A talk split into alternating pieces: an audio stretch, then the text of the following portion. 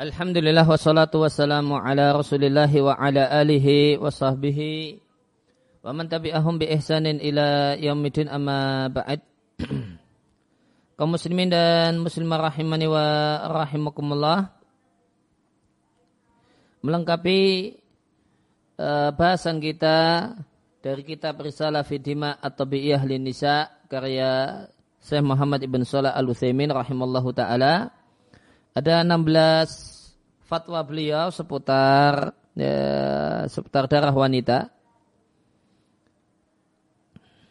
yang akan kita baca dan kita telaah dalam kesempatan kali ini. Fatwa muhimmah fi ahkamil haidi.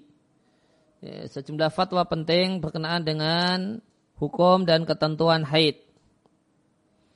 Yang pertama ada seorang penanya yang bertanya, jika wanita haid suci dan mandi setelah sholat subuh. Ini. Suci dan mandinya setelah sholat subuh. Wasolat, kemudian dia sholat. Dan dia menyempurnakan puasa pada hari itu. Maka apakah wanita tersebut memiliki kewajiban kodok?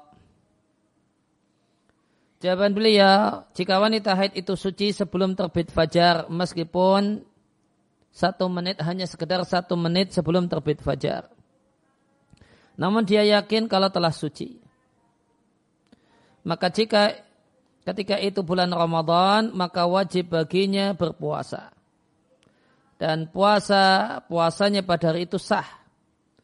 Dan dia tidak memiliki kewajiban untuk mengkodoknya li'annaha somat karena dia telah berpuasa dalam keadaan suci meskipun dia tidak mandi kecuali setelah terbit fajar.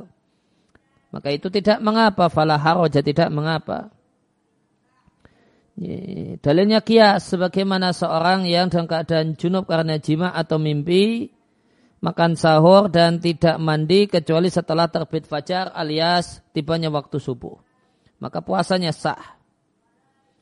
Wabihadil munasabah dan dalam kesempatan ini awadu aku ingin untuk mengingatkan perkara yang lainnya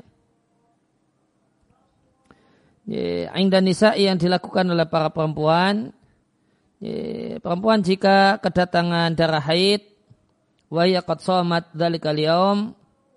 dan dia telah berpuasa pada hari itu sebagian perempuan menyangka bahasanya haid jika datang hmm, Ba'da fitriha setelah buka puasa namun sebelum sholat isya, puasa pada hari itu batal.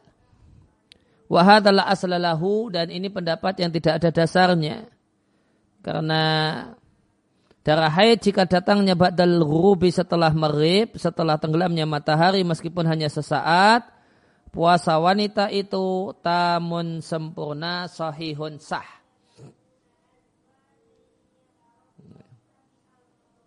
Sempurna dan sah. Maka ini nampaknya uh, apa, anggapan yang tidak benar yang ada di sebagian uh, masyarakat Saudi. Kalau di tempat kita sepertinya tidak ada. Ini ada anggapan, ada persepsi ini seorang wanita yang puasa sampai maghrib dan sampai maghrib itu belum kedatangan haid dan setelah maghrib sebelum isya kedatangan haid. Maka sebagian uh, orang di Arab Saudi punya anggapan, sebagian perempuan Saudi punya anggapan ya, puasanya batal. Nah ini ini, ini diluruskan oleh Sayyid Nuthimin rahimallahu taala dengan beliau katakan yang penting sampai maghrib, sampai tenggelamnya matahari. Satu menit setelah maghrib, setelah tenggelamnya matahari, keluar darah haid, ya, puasa hari tersebut sah. Nah, kemudian yang kedua, apakah wajib atas wanita yang nifas untuk puasa dan sholat jika dia suci sebelum 40 hari? Jawabannya naam iya. Mata jika wanita nifas itu suci sebelum 40 hari, maka wajib baginya untuk berpuasa jika ketika itu bulan Ramadan. Wajib baginya untuk sholat boleh bagi suaminya untuk mengumpulinya karena dia adalah wanita suci. Tidak ada pada dirinya faktor yang menghalangi puasa. Tidak pula ada faktor yang menghalangi wajibnya sholat dan bolehnya dikumpuli dan disetubuhi. Kemudian yang ketiga, jika ada seorang wanita siklus bulanannya, yaitu siklus haidnya 8 atau 7 hari, kemudian istamarat ma'aha, kemudian kebiasaan atau darah tersebut berlanjut bersamanya sekit, uh, sekali atau dua kali atau lebih dari itu lanjut sehingga tidak hanya delapan hari, namun sembilan hari atau sepuluh hari. Apa hukumnya? Ya, jawabannya di halaman 38. Jika seorang wanita punya kebiasaan haid selama enam hari atau tujuh hari, kemudian jangka waktu haid itu memanjang sehingga menjadi delapan atau sembilan atau sepuluh atau sebelas hari, maka wanita tersebut tetap tidak boleh sholat sampai suci. Karena Nabi Shallallahu Alaihi Wasallam tidak menetapkan batas tertentu untuk haid. Ya, dan Allah Ta'ala berfirman, mereka bertanya kepadamu tentang darah haid, katakanlah dia adalah darah kotor. Famata maka jika karena hadadamu darah tersebut tetap ada, fa'inal mar'ata ala haliha maka wanita tersebut tetap dalam keadaannya yaitu haid sampai suci dan mandi kemudian baru sholat. Kemudian jika datang kepadanya di bulan kedua kurang dari hal itu. Ya, jadi di bulan pertama misalnya 10 hari. Nanti bulan berikutnya kok jadi 9 hari atau 8 hari. Maka jika kurang dari hal itu, maka wanita tersebut mandi jika telah suci. Wa idza lam yakun 'alal muddati sabiqati meskipun tidak sesuai dengan jangka waktu haid bulan sebelumnya. Wal muhim yang penting bahasanya seorang wanita matakan al haidu ma'aha maujudan selama haid itu ada bersamanya maka dia tidak boleh sholat baik darah haid tersebut mencocoki kebiasaannya sebelumnya atau lebih lama atau kurang. Wa idza tahurat dan jika dia suci, tusalli dia wajib salat.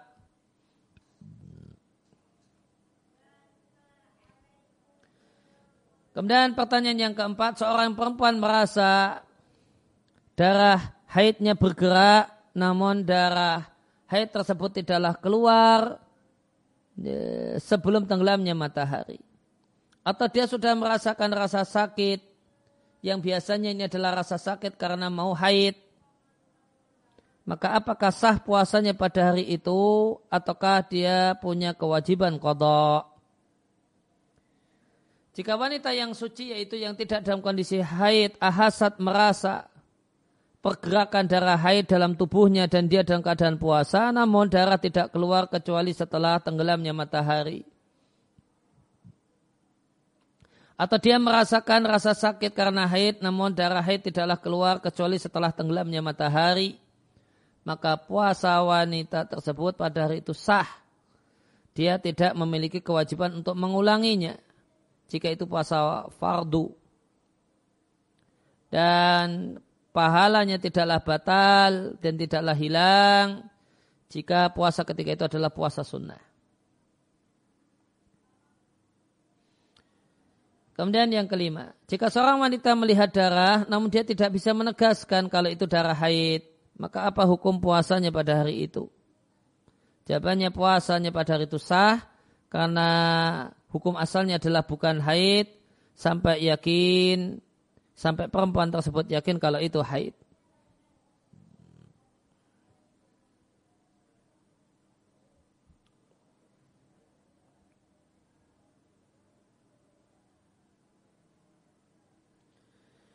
Kemudian kasus yang keenam, seorang wanita jika melihat fi zamani adatiha ya, di masa siklus haidnya pada satu hari dia lihat darah Walladhi yalihi kemudian hari setelahnya dia tidak lihat darah sepanjang siang. Famada alaiha antaf'ala maka apa yang wajib dilakukan oleh perempuan ini? Jawaban saya Ibnu Taimin rahimallahu taala, adz-zahiru kemungkinan yang lebih mendekati kondisi suci atau kering yang terjadi padanya di hari-hari haid ini masih mengikuti haidnya sehingga dia tidak teranggap suci. Dia tidak teranggap suci. Maka berdasarkan hal ini wanita tersebut tetap terlarang untuk melakukan hal-hal yang dilarang dilakukan oleh wanita haid.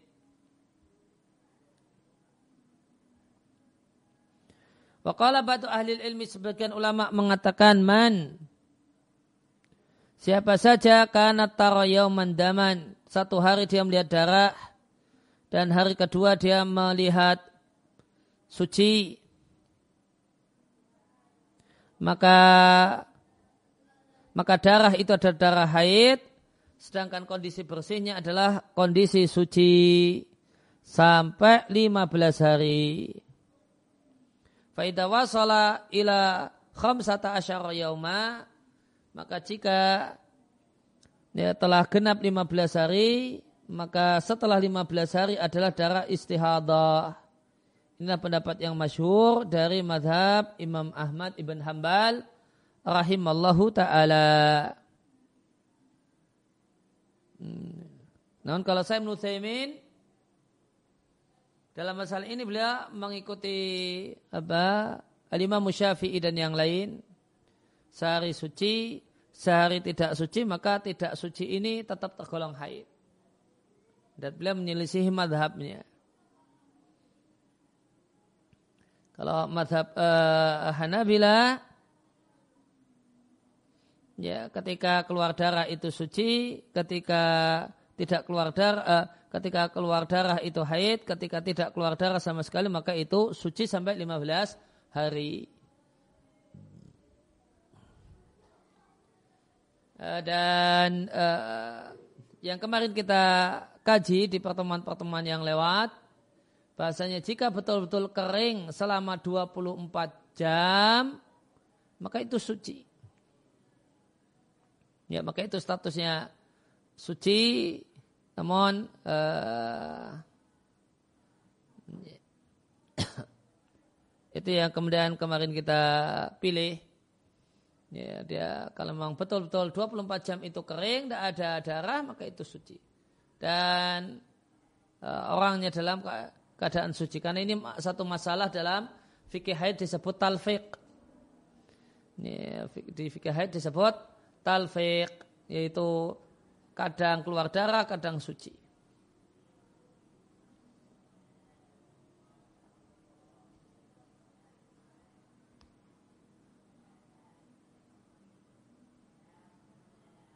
Kemudian yang ketujuh, fil ayamil akhirati minal haid di hari-hari terakhir haid sebelum suci, eh, seorang wanita tidak melihat bercak darah.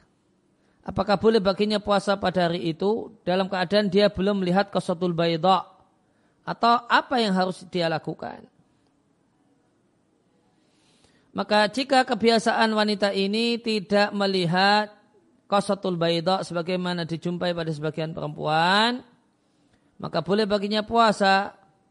Namun jika di antara kebiasaannya adalah melihat adanya kosotul bayda di akhir haid, maka dia tidak boleh puasa sampai melihat qasatul baida. Maka ini pentingnya qasatul baida. Tidak semua perempuan memiliki qasatul baida. Siapa yang memiliki qasatul baida, maka tolak ukur sucinya adalah keluarnya qasatul baida. Ya, tolak ukur sucinya keluarnya qasatul baida. Maka jika sudah kering namun belum keluar qasatul baida, maka wajib nunggu keluarnya qasatul baida.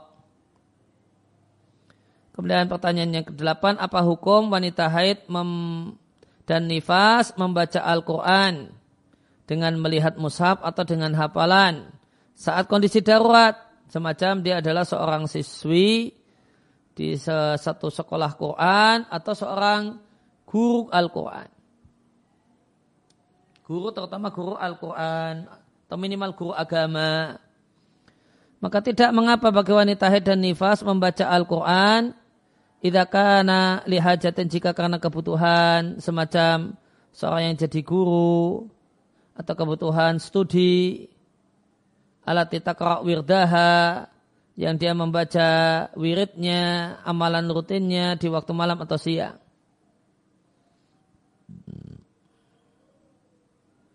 Adapun membaca yaitu membaca Al-Quran karena cari pahala. Dan cari pahala bacaan maka yang terbaik dia tidak melakukannya. Karena banyak ulama atau mayoritas para ulama perpandangan bahasanya wanita haid tidak halal untuk membaca Al-Quran. Ya, maka beliau bolehkan membaca yaitu dengan hafalan. Ya, bagi uh, bagi murid atau demikian juga guru. Namun motivasinya adalah motivasi tugas harian bukan cari pahala. Kemudian yang kesembilan, apa pendapat Anda mengkonsumsi tablet pencegah dauratu syahriyah haid dalam rangka supaya bisa puasa penuh bersama masyarakat. Maka jawaban beliau, aku ingatkan bahaya hal ini. Padahal keadaan hal tersebut li anna hadil hububa karena pil-pil ini memiliki madarat yang besar. Sabata di dalika hal tersebut uh, terbukti di menurutku hal itu sudah terbukti menurutku melalui keterangan para dokter. Maka kita nasihatkan kepada perempuan bahasanya haid adalah satu hal yang telah Allah tetapkan untuk semua anak perempuannya Adam, maka engkau ridha dengan apa yang telah Allah tetapkan. Dan berpuasalah dalam kondisi tidak ada faktor penghalang yaitu tidak ada haid.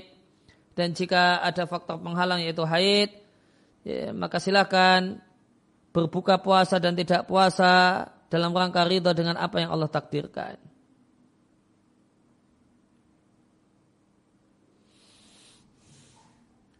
Ya, kemudian eh, maka di sini kita lihat saya menurut cenderung sekali melarangnya. Meskipun secara teori beliau boleh bisa membolehkannya di risalah adima atau bi'iyah. Ya, namun beliau bolehkan dengan dua syarat, tidak membahayakan dan seizin dan dengan seizin suami. Yang ke sepuluh, sebagian perempuan darah terus menerus keluar bersamanya, wa ahyanan dan terkadang yang kotek terputus itu berhenti tidak keluar darah sehari atau dua hari kemudian kembali keluar darah apa hukum keadaan ini dikaitkan dengan kewajiban puasa, sholat dan ibadah-ibadah yang lain.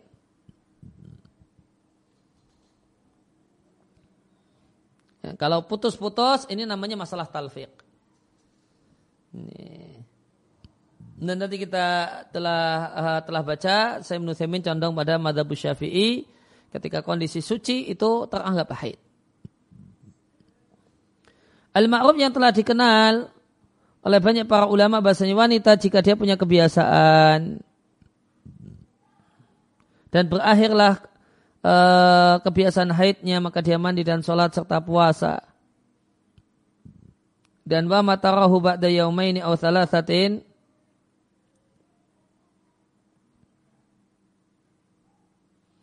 Pematarau dan apa yang dilihat oleh wanita tersebut setelah dua atau tiga hari kemudian kok keluar darah maka itu bukan haid. Lianna akala tuhri karena minimal suci di antara dua haid menurut mereka mereka para ulama 13 hari. Dan sebagian ulama mengatakan inna bahasanya mata jika ro'atid dama melihat darah maka itu haid dan jika suci dari haid maka dia suci wa ilam yakun meskipun tidak ada di antara dua haid tersebut ya, selisih waktu selama 13 hari.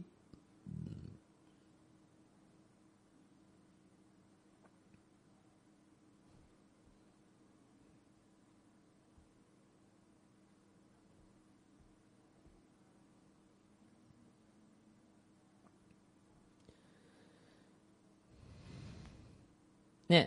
Kemudian pertanyaan yang ke-11 ada seorang wanita yang bertanya bahasanya dia sejak wajib berpuasa dia puasa Ramadan akan tetapi wanita ini tidak mengkodok puasa hari-hari yang dia uh, batalkan atau dia tidak puasa di hari-hari tersebut disebabkan daurah syariah disebabkan haid. Dan karena dia tidak mengetahui jumlah hari-hari ya jumlah pasti hari-hari yang dia tidak puasa. Maka dia meminta arahan tentang ma yajib alaiha apa yang jadi kewajibannya.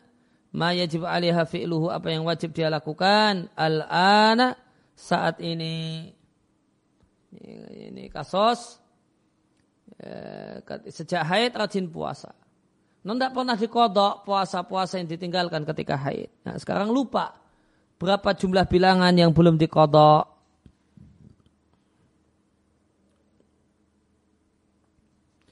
Ya, sangat disayangkan ayat kok terjadi semacam ini di kalangan wanita-wanita yang beriman. Karena tindakan tidak uh, tidak kodok ini yaitu tarkil kodok tidak kodok ma yajibu alaih minasiyam puasa yang wajib dia lakukan boleh jadi karena ketidaktahuan murni ketidaktahuan atau karena meremehkan dan dua-duanya musibah.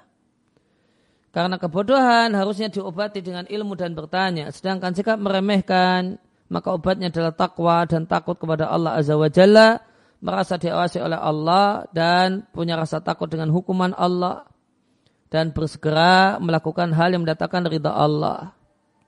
Maka menjadi kewajiban wanita tersebut untuk bertobat kepada Allah dari apa yang telah dia lakukan. Dan memohon ampun. Kemudian tentang kewajibannya wa anta tahara al ayama.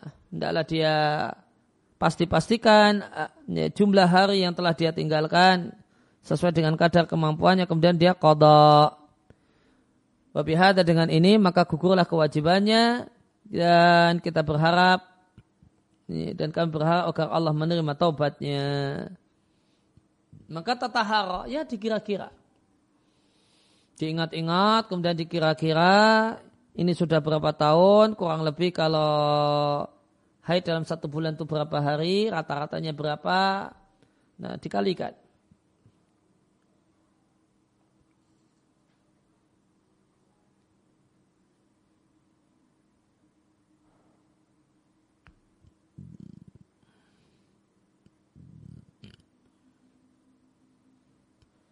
Nah, kemudian yang ke-12. Hal asail apakah cairan yang keluar dari wanita baik itu putih ataukah kuning itu suci ataukah najis. Dan wajibkah padanya wudhu? Ma'ilmi perlu diketahui bahasanya cairan tersebut turun atau keluar terus menerus. Dan bagaimanakah hukumnya jika keluarnya itu putus-putus, khasatan terutama, ya, mayoritas perempuan, terutama yang muta'alimat, ya, yang pelajar dari kalangan perempuan mereka menganggap bahasanya ya, itu adalah utobah tabi'iyah adalah cairan yang normal dan alami sehingga tidak memiliki kewajiban untuk berwudu.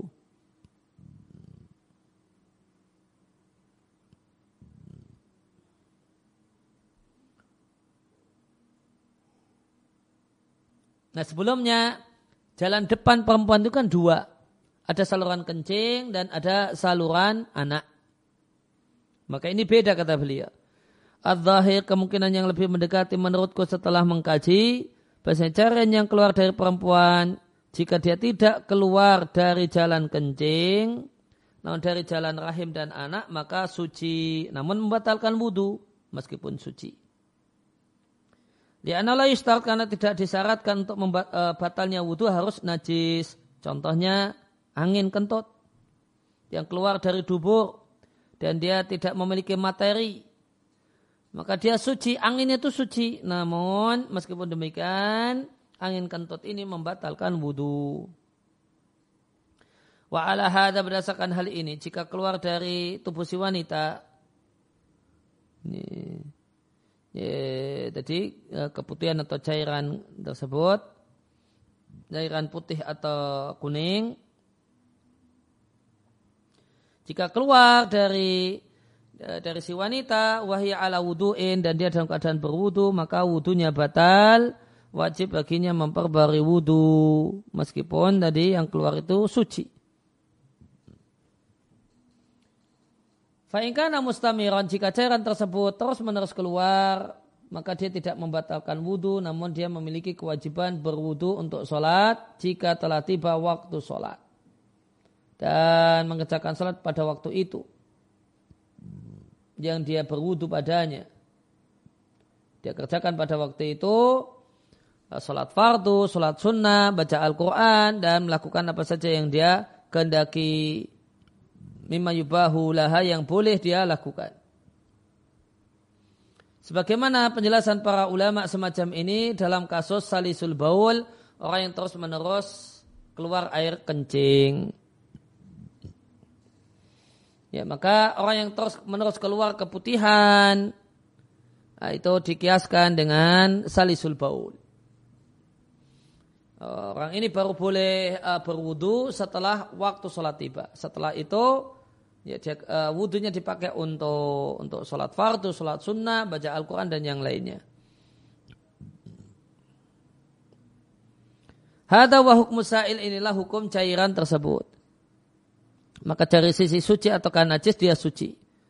Dari sisi membatalkan wudhu ataukah dia dia membatalkan wudhu kecuali jika terus menerus keluar. Maka jika terus menerus keluar, maka cairan tersebut, keluarnya cairan tersebut tidak membatalkan wudhu. Namun jadi kewajiban wanita tersebut untuk tidak berwudhu untuk sholat kecuali setelah tiba waktunya dan setelah dia antatahafadha ya, pakai semacam pampers atau ini, apa pembalut untuk menjaga keluarnya dari uh, keluarnya cairan itu.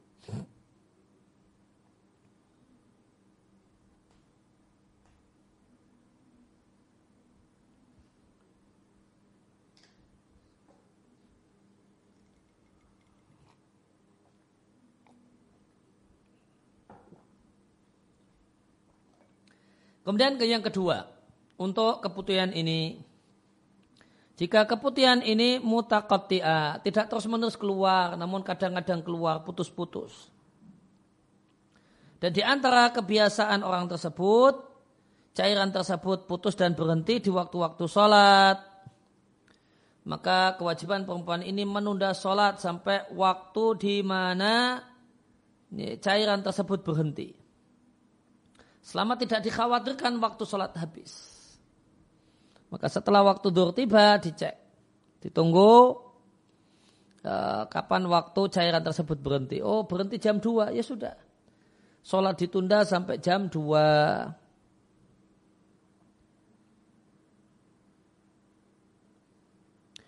Namun jika dia khawatir keluar uh, habisnya waktu sholat, nih, maka uh, ketika tersebut dia punya kewajiban berwudu, Kemudian taltajimu atau tatahafadu, kemudian memakai pembalut, ya, pencegah uh, supaya cairan tersebut tidak keluar, kemudian mengerjakan sholat. Dan tidak ada beda, baik yang keluar itu sedikit ataupun banyak, karena itu semua keluar ya, dari jalan, dari jalan tersebut, dari jalan depan, maka dia membatalkan wudhu baik sedikit ataupun banyak.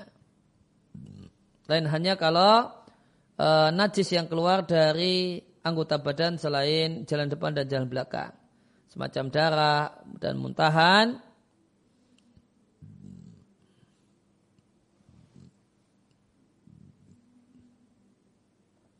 Maka itu tidak membatalkan wudhu baik sedikit ataupun banyak.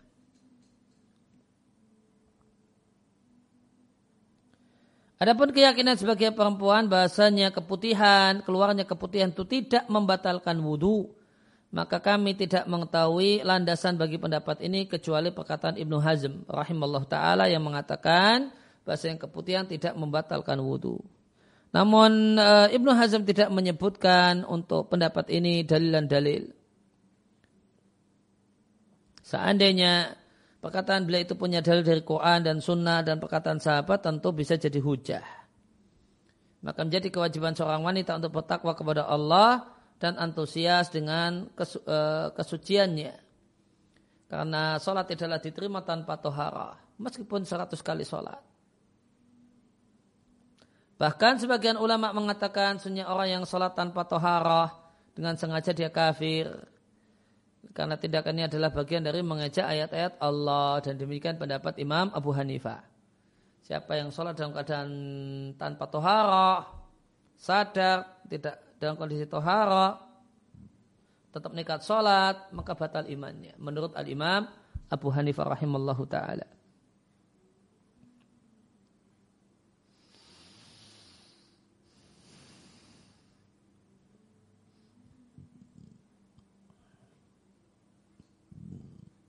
Kemudian yang ketiga belas, apa hukum cairan keruh atau kecoklatan yang keluar dari seorang wanita sebelum haid sehari atau lebih dari itu atau kurang dari sehari? Dan berjadi cairan yang keluar itu dalam bentuk e, benang tipis berwarna hitam.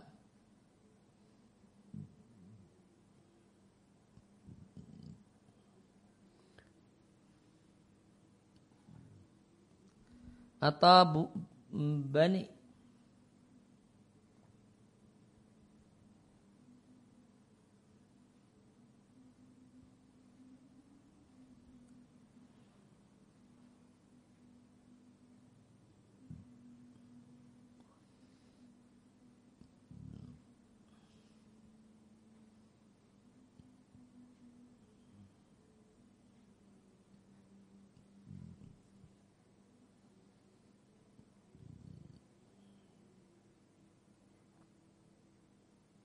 buni buni.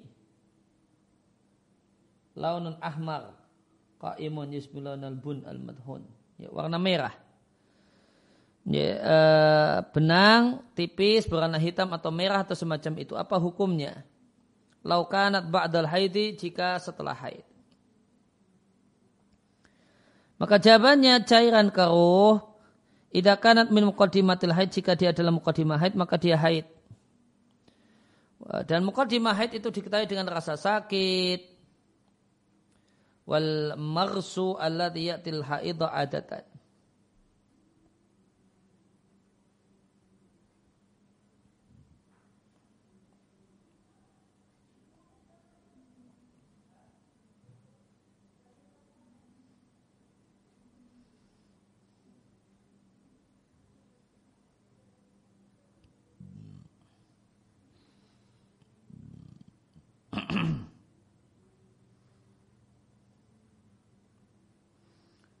eh,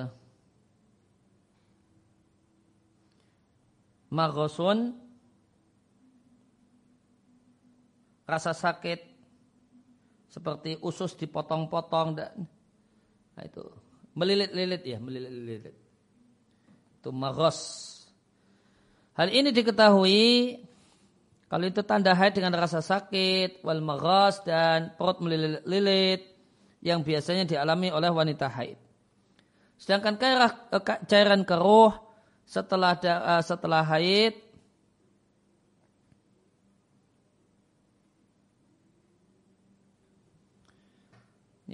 Fahia tangtadiru hatta tazula.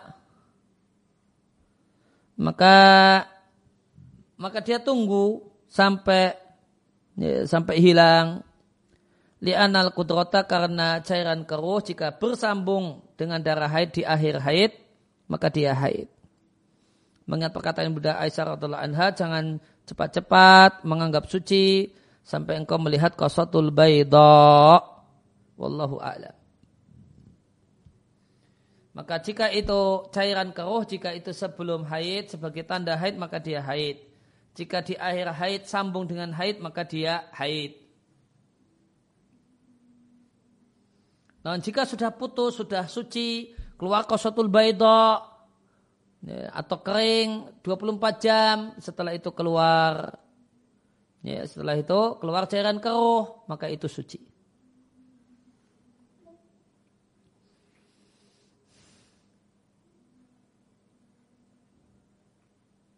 Yang ke-14, ada seorang perempuan tiba dalam keadaan ihram untuk umrah Setelah sampai di Mekah dia mengalami haid dan mahramnya terpaksa harus safar pulang fauron segera dan dia tidak memiliki siapa-siapa di Mekah apa hukum untuknya.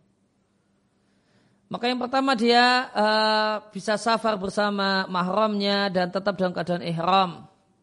Kemudian kembali ke Mekah jika telah suci. Ini jawabannya idakan jika wanita tersebut tinggal di Arab Saudi. Karena kembali ke Mekah itu satu hal yang mudah dan tidak perlu capek.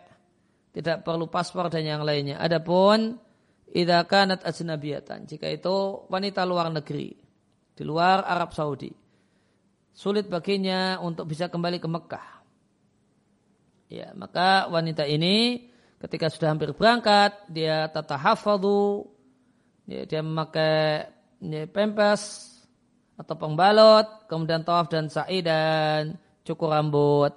Dan dia selesaikan umrohnya dalam safar tersebut. Nah, liana tawafa karena tawafnya dalam kondisi semacam ini mau ditinggal suaminya adalah kebutuhan yang vital atau mendesak dan keadaan darurat dan keadaan darurat itu memubahkan hal yang haram dan bolehnya uh, wanita haid tawaf ketika dalam keadaan darurat sebelumnya adalah pendapat Ibnu Taimiyah rahimallahu taala. Ya, kemudian yang ke-15 sebelum terakhir ada seorang wanita bertanya Aku berhaji dan datang daurah syariah haid. Maka aku malu untuk cerita kepada siapa pun. Lantas aku masuk Masjidil Haram aku sholat aku tawaf aku sa'i. Fama ada alaiya maka apa kewajibanku? Ilman perlu diketahui bi annaha bahasanya uh, kedatangan haid tersebut dan nifas setelah nifas. Jawabannya tidak halal bagi seorang wanita dalam kondisi haid dan nifas mengerjakan sholat baik di Mekah ataupun di kampung halamannya dan di tempat mana pun. Mengingat sabda Nabi Shallallahu Alaihi tentang perempuan, bukankah jika dia haid dia tidak sholat dan puasa? Dan kaum muslimin pun sepakat tidak halal bagi wanita haid untuk puasa, tidak halal baginya untuk sholat. Wa ala hadhil mar'ati maka menjadi kewajiban wanita tersebut yang telah melakukan hal di atas. Alaiha kewajibannya bertobat kepada Allah mohon ampun tentang apa yang telah terjadi pada dirinya. Sedangkan tawafnya dalam kondisi haid maka itu tawaf yang tidak sah Sedangkan sa'inya itu sah. Karena pendapat yang paling kuat ya adalah membolehkan sa'i terlebih dahulu daripada tawaf ketika haji. Wa ala berdasarkan hal ini maka yang menjadi kewajiban wanita tersebut adalah mengulang tawaf karena tawaf ifadah atau tawaf haji adalah salah satu rukun haji. Ini seorang tidak bisa tahalul yang kedua kecuali dengannya.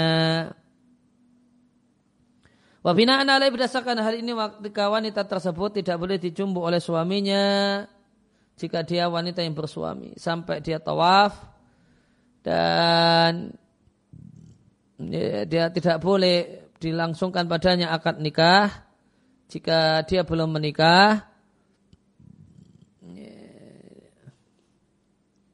hatta tatufa sampai tawaf haji wallahu taala a'lam Kemudian yang ke-16 yang terakhir. Yakulu Sa'il seorang penanya bertanya, Lakot kodim itu aku tiba dari Yambuk untuk umrah. Yambuk nama kota di Arab Saudi. Yang tiba adalah saya dan keluargaku. Namun ketika aku sampai ke Jeddah, ya, ternyata istriku haid.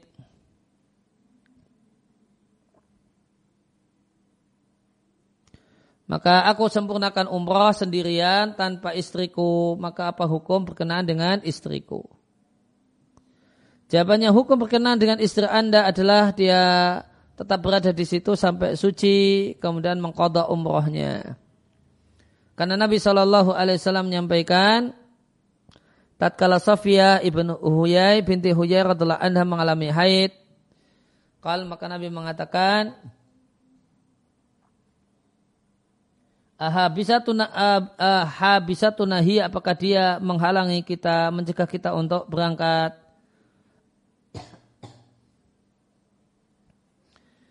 Ya, kalau para sahabat mengatakan bahasa Sofia telah melakukan tawaf ifadah itu tawaf haji. Maka Nabi katakan faltan fir idan. Jika demikian berangkat.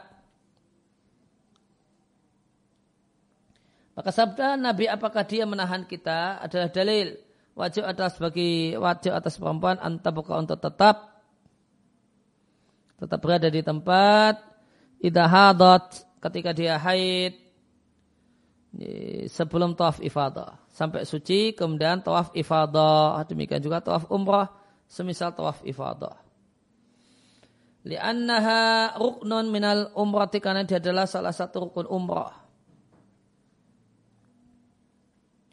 Faidah hadat al-mu'tamiratu maka jika wanita yang umrah, jamaah wanita yang umrah itu mengalami haid sebelum tawaf umrah. Maka dia menunggu sampai suci, kemudian baru boleh tawaf.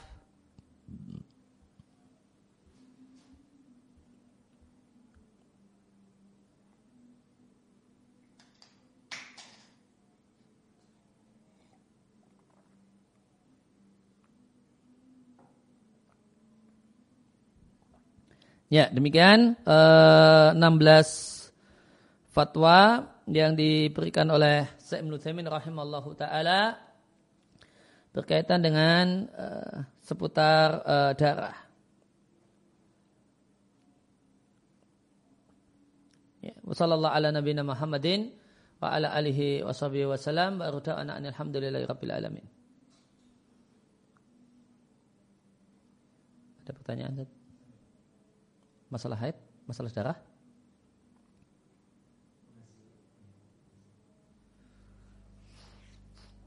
Baik, saat uh, ada pertanyaan. Assalamualaikum warahmatullahi wabarakatuh. Waalaikumsalam warahmatullahi wabarakatuh. Saat izin bertanya, saat kalau keluar angin dari kemaluan wanita, apakah itu membatalkan wudhu dan sholat?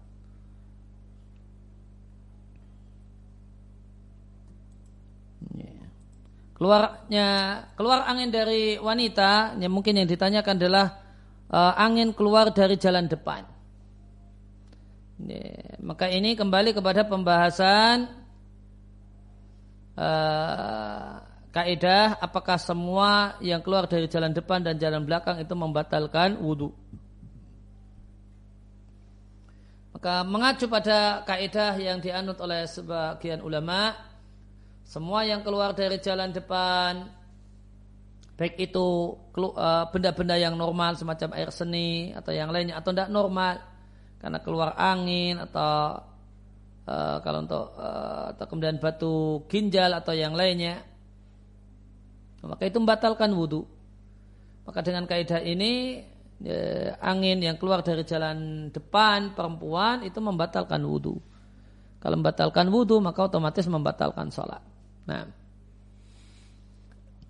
Baik, saat uh, pertanyaan berikutnya saat Assalamualaikum warahmatullahi wabarakatuh. Waalaikumsalam warahmatullahi wabarakatuh. Saat jika setelah selesai sholat duhur ternyata baru sadar kalau darah haid sudah keluar, apakah sholat duhur ini harus dikodok saat sudah suci nanti Ustaz?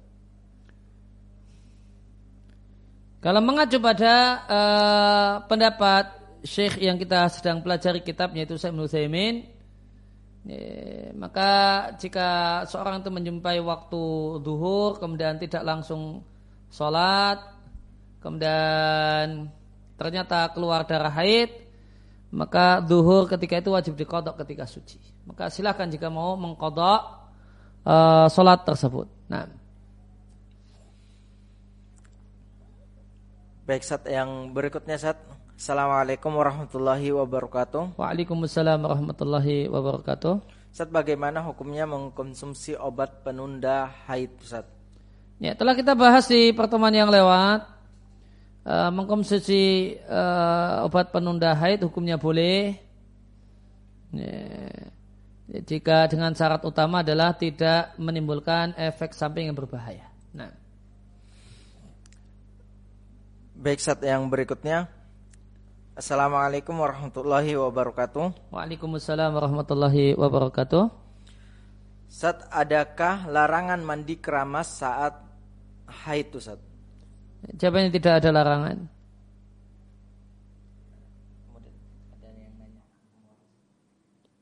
Satu.